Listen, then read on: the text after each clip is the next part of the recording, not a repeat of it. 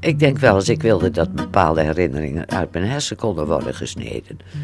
Mijn haat voor mijn moeder bijvoorbeeld en dergelijke. Hè? Dat, ja, dat, dat denk je, oh, ik moet, ik moet dit vergeten. Maar dat heeft zo'n impact gehad op mijn jeugd. En ik wil daar niet meer aan herinnerd worden. En toch komt dat steeds op.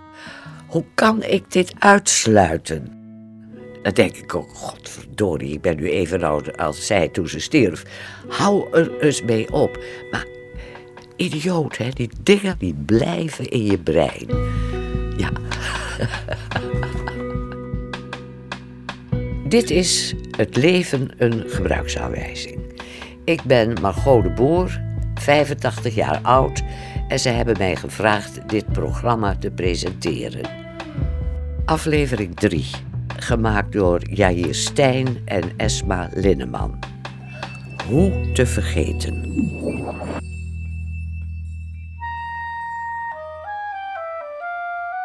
Te vergeten. Oh, te vergeten.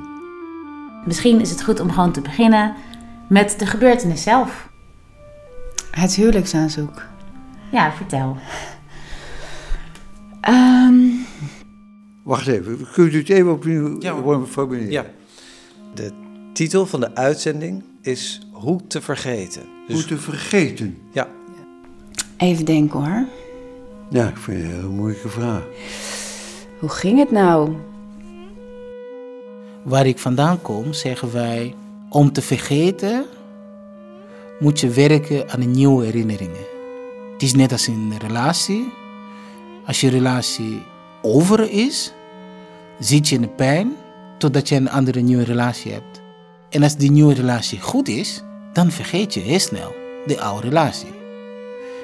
Wat ik probeer te doen, is om te werken aan nieuwe ervaringen die morgen herinneringen zullen zijn. We zijn op bezoek bij een heer van ongeveer mijn leeftijd. Voor hem op tafel ligt een stapel schriftjes en boeken. Zijn vrouw Roesja zit naast hem. Hij stelt zichzelf voor. Ed de Moor, de Moor. En uh, ik ben uh, 83. 83. En wat wilt u verder nog horen? Wat, wat deed u?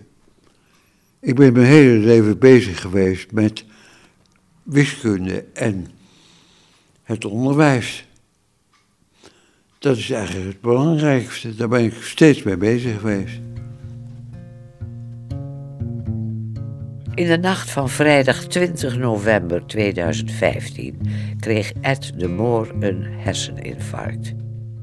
Eerder die dag had hij samen met co-auteur Marjolein Kool de laatste hand gelegd aan het boek Alledaagse Rekenen.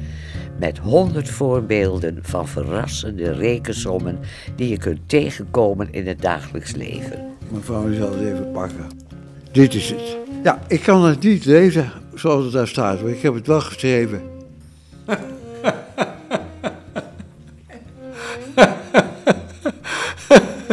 Nou ja, goed. Het gaat dus langzaam wel iets vooruit. Ik heb hier een voorbeeld. Ik zal u laten zien wat ik doe. Uh, heb je. Ja, dit heb ik gisteren gedaan. Nou ja. En, en ik zie rekensommen als 5 plus 3 ja. en 5 plus 2. Ja, ja. En als ik het u zou vragen, 5 plus 3? 5 plus 3, dat is uh, 17. 5 plus 3? Plus 3? Ja. 5 plus 3. Oh nee, nee, nee, dat is fout. Even in je hoofd doen. Dat eerste is, nou ja, u ziet hoe moeilijk het is. 27 is het. Nee, dat is niet zo. Nou, ik kan het niet. Maar degene die. ik ben daar ook in gepromoveerd. En ik heb in dat boek staan hele stukken die daar over, op een eenvoudige wijze uitgelegd zijn. Kijk, de pijn begint op het moment dat je iets denkt te missen. Maar ja. Wat je was. Helaas. Wat je ooit kon zijn. Gaat dat niet meer? Als ik daaraan moet denken, dan is mijn leven in Nederland een depressief leven. Paul Mikai is een veertiger met een vriendelijk gezicht, een bril met kleine ronde glazen en een mysterieuze glimlach. Hij werkte op een ministerie, maar was ooit ook wiskundeleraar. In 1994 vluchtte hij uit Congo en woont nu al 22 jaar in Nederland. Hij slaagde erin om in Nederland te aarden door niet aan zijn vorige leven te denken. De paar keren dat ik aan eh, Congo denk, eh, dan merk ik dat het bijna pijnlijk eh, is. Wat ik mis, is de geur. Als de eerste regen is gevallen, eh, de grond die heel lang droog is geweest, de planten die eh, misschien op dezelfde dag uit de grond komen, dat geeft een geur van eh, vernieuwing, van mogelijkheden, van het leven is nog steeds mogelijk. En dat mis ik, want ja, in Nederland regent veel, maar eh, ik heb nog niet kunnen erkennen of eh, iets van in de buurt van dat soort geur. Op het moment dat dingen niet goed gaan in Nederland, ja, dan denk ik aan die geur. Eh, Dan denk ik dat eh, ja, als ik dat zou kunnen, opnieuw kunnen ruiken, dan zou ik sneller gaan geloven in de nieuwe mogelijkheden. Dat mis ik, mis ik eh, vreselijk hier eh, in Nederland. Dat denk ik niet dat ik eh, dat eh, terug zou krijgen.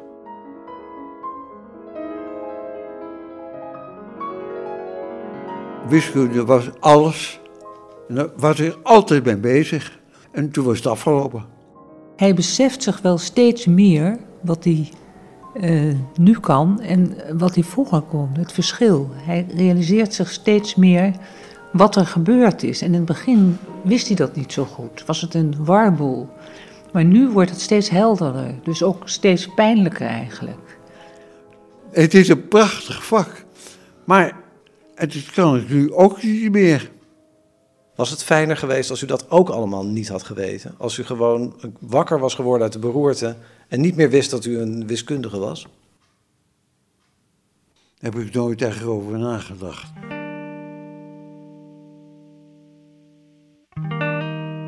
We hebben allemaal goede, mooie, pijnlijke herinneringen. Ik, ik vecht er niet tegen herinneringen. Dus het wegdrukken is, geen, is niet verstandig. Maar wat moet je dan doen om ergens niet aan te denken? Ja, er net zo lang aan denken tot je er niet meer aan denkt.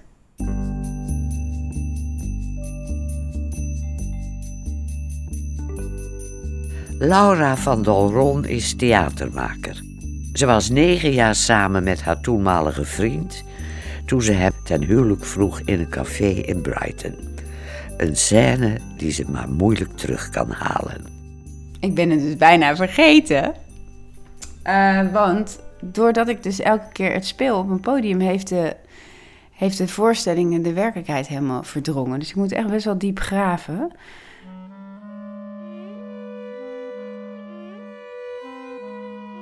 Het was de eerste dag van de lente. Het was opeens heel warm ook in dat Brighton, wat een, nee, beetje nachtmerrieachtig ook was.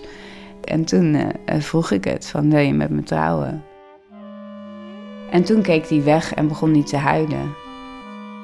Dus eh, ja, dat was duidelijk nee. Ik dacht gewoon nu is de rest van mijn leven gewoon niet dat leven wat ik wilde leven. En het leek opeens heel lang. ja. Ik moest een eh, voorstelling maken. En ik, ik zat elke keer achter die laptop en dan ging ik gewoon heel erg lang over mijn liefdesverdriet schrijven. Ik kon niet anders dan dat. Ik had het gevoel dat ik mijn eh, vuile onderbroeken op het podium gooide en dat dat moest. Maar ik heb eigenlijk nog nooit een voorstelling gemaakt die zo goed ontvangen is. Ik weet dat het stom is, het huwelijk, en raar. Maar ik heb de afgelopen negen jaar gewoon nooit iets beters bedacht. En ik glimlach naar je. En ik knipoog. Als we ja zeggen. Voor altijd. Nee, zonder aanhalingstekens. Voor altijd. En ik heb dus de eerste periode dat ik het speelde, dacht ik elke avond deed ik dat huwelijksaanzoek. En terwijl ik het deed, dacht ik, ja, dit is zo fucking goed. Hij kan gewoon geen nee zeggen. Oh ja, en ook niet onbelangrijk. Ik hou echt zoveel van jou. En? En dan besef ik altijd, kloten, er staat gewoon in de tekst nee. Nee, Er staat gewoon nee. hij zei nee. Nederland heeft mij geleerd om eh, minder te dromen. Eh, nostalgie en eh, gemis maken de pijn alleen maar groter. Ja, ik eh, droom minder. Ik heb eh, een mooie vrouw, ik heb eh, een huis, ik heb eh, werk, ik heb collega's. Ik heb een nieuwe werkelijkheid. En dat is de enige manier om dus die geur van mijn aarde minder te missen. Om de pijn van het gemis te verzachten. Dit was mijn leven. Dat was zoveel dat ik kende. Er is nu nog maar zoveel dat ik ervan ken. E- Eerst houdt u uw handen heel wijd uit elkaar en nu Ja, ja. vlak bij elkaar eigenlijk Ja, ja, wat er nog over ja, is. Ja. Ik heb het denk ik wel 200 keer eh, ge- gedaan. 220, zoiets. 220 keer heb ik eh, hem eh, ten huwelijk gevraagd nu. En? Op een podium. En dan nee te horen gekregen. Nee, Kijk, hij zei nee. ben ik weer vergeten. Sorry? Dit ben ik weer vergeten, wat u net heeft mooi voorgelezen. De titel van uw boek, Alledaags Rekenen. Ja, ja. Ja, ik ben echt heel gelukkig. En voel me ook veilig in mijn leven op dit moment. Dus als ik nu tranen in mijn ogen krijg bij die voorstelling, wat wel gebeurt, dan zijn dat tranen om dat meisje die ik was toen. Dus het heeft wel degelijk geholpen. Ja. Ik heb eh, geweldige vrienden gemaakt in Nederland. En eh, als het te lang is dat ik hun niet gezien heb. En dat ik verlang naar hun eh, opnieuw te zien. Dat voelt ook als die geur.